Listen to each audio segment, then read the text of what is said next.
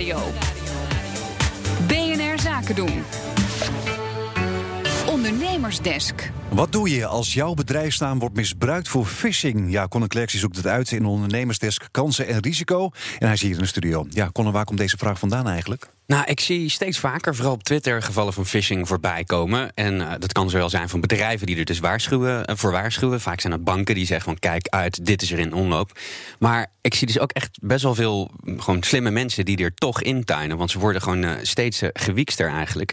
En dat zet me wel een beetje aan het denken. Want volgens mij is het als bedrijf gewoon heel vervelend als jouw bedrijfsnaam wordt misbruikt voor dit soort fraude. Want er blijven toch mensen intrappen. En ik was wel benieuwd hoe dat juridisch in elkaar steekt. En of je bijvoorbeeld aansprakelijk gesteld kan worden. En ja, of het ook mogelijk is en zinvol om uh, bijvoorbeeld aangifte te doen. Want je weet niet of je die mensen voor de rechter uh, nee. kan krijgen. Dus ik ben erover gaan praten met Thomas van Essen. Hij is partner IT en privacy bij Solve Advocaten. En ik vroeg hem wat je moet doen als jouw bedrijfsnaam wordt misbruikt voor phishing. Je ziet dus dat steeds vaker uh, bedrijven hun naam worden gebruikt voor phishing. Je ziet ook dat die berichten steeds beter worden. Hè? Beter in de, in de zin dat ze steeds moeilijker zijn te onderscheiden van duidelijk, evident neppe berichten. Dat ga je afvragen, is er misschien nu een zorgplicht van bedrijven die hebben ontdekt dat hun naam in phishingmails wordt gebruikt, om hun klanten daarop te wijzen? Ja, die zorgplicht uh, waar Thomas het over heeft, die is er. Maar ja, zoals wel vaker met dit soort dingen, hangt dat af van het geval, het specifieke geval, of consumenten hier iets mee kunnen.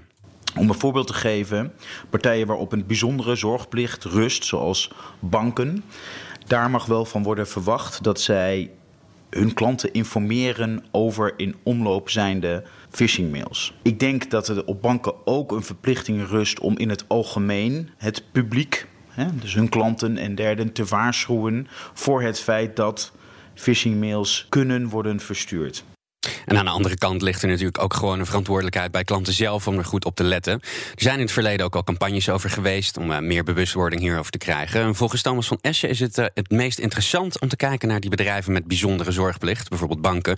Want daar zit eigenlijk het spanningsveld. Waar houdt de zorgplicht van zo'n bank op? En wat had de klant nou zelf moeten weten? Voor de consument betekent dat dat er campagnes zijn die hij of zij had kunnen zien. En het feit dat een persoon dan niet luistert naar een speciaal radioprogramma of niet kijkt naar een speciaal televisiezender, is daar niet voldoende. Als er wijdverspreid zo'n campagne is geweest, zoals die drie keer kloppen campagne, dan kun je er wel van uitgaan dat een partij aan haar informatieverplichting heeft voldaan. En er zijn ook wel uitspraken geweest waarin consumenten hebben gezegd: hé, hey, ik ben het slachtoffer geworden van phishing. Ik wil graag, bank, dat jij mij het geld dat ik kwijt ben vergoedt.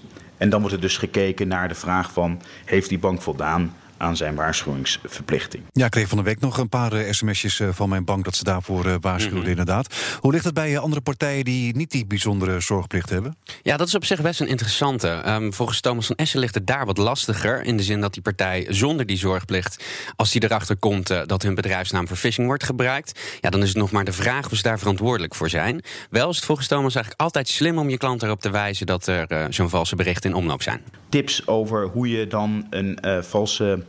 mail kunt herkennen. Ze zullen nooit vragen om te klikken op een link om daarin te loggen.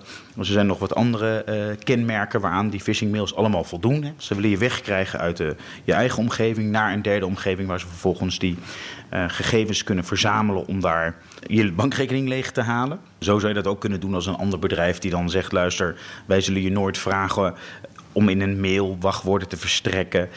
Je kunt gewoon zelf je account in. We zullen je nooit vragen aan de hand van iemand die belt om door je account heen te gaan en dan speciale codes of wachtwoorden te verstrekken. Maar ja, het belangrijkste zijn natuurlijk de daders. Kan je iets doen tegen die daders eigenlijk? Nou, het vervelende is voorkomen dat jouw bedrijfsnaam gebruikt wordt voor phishing. Ja, dat kan eigenlijk gewoon niet. Maar ik was wel benieuwd of het bijvoorbeeld zin heeft om een aangifte te doen. En Thomas van Essen die zegt daar het volgende over. Nou, het, wat wel zo is, is dat er wel meer aandacht hè, wordt besteed, ook vanuit de uh, uh, politie, om te zeggen van ja, je kunt die aangifte gewoon, uh, gewoon doen. En daar gebeurt dan ook wel iets mee. De vraag is natuurlijk wel, dus het ligt denk ik niet zozeer aan het feit dat er geen mogelijkheid is om aangifte te doen, of dat men daar in beginsel niks mee wil doen. Maar de betere uh, uh, zeg maar, uh, vervalsers en oplichters...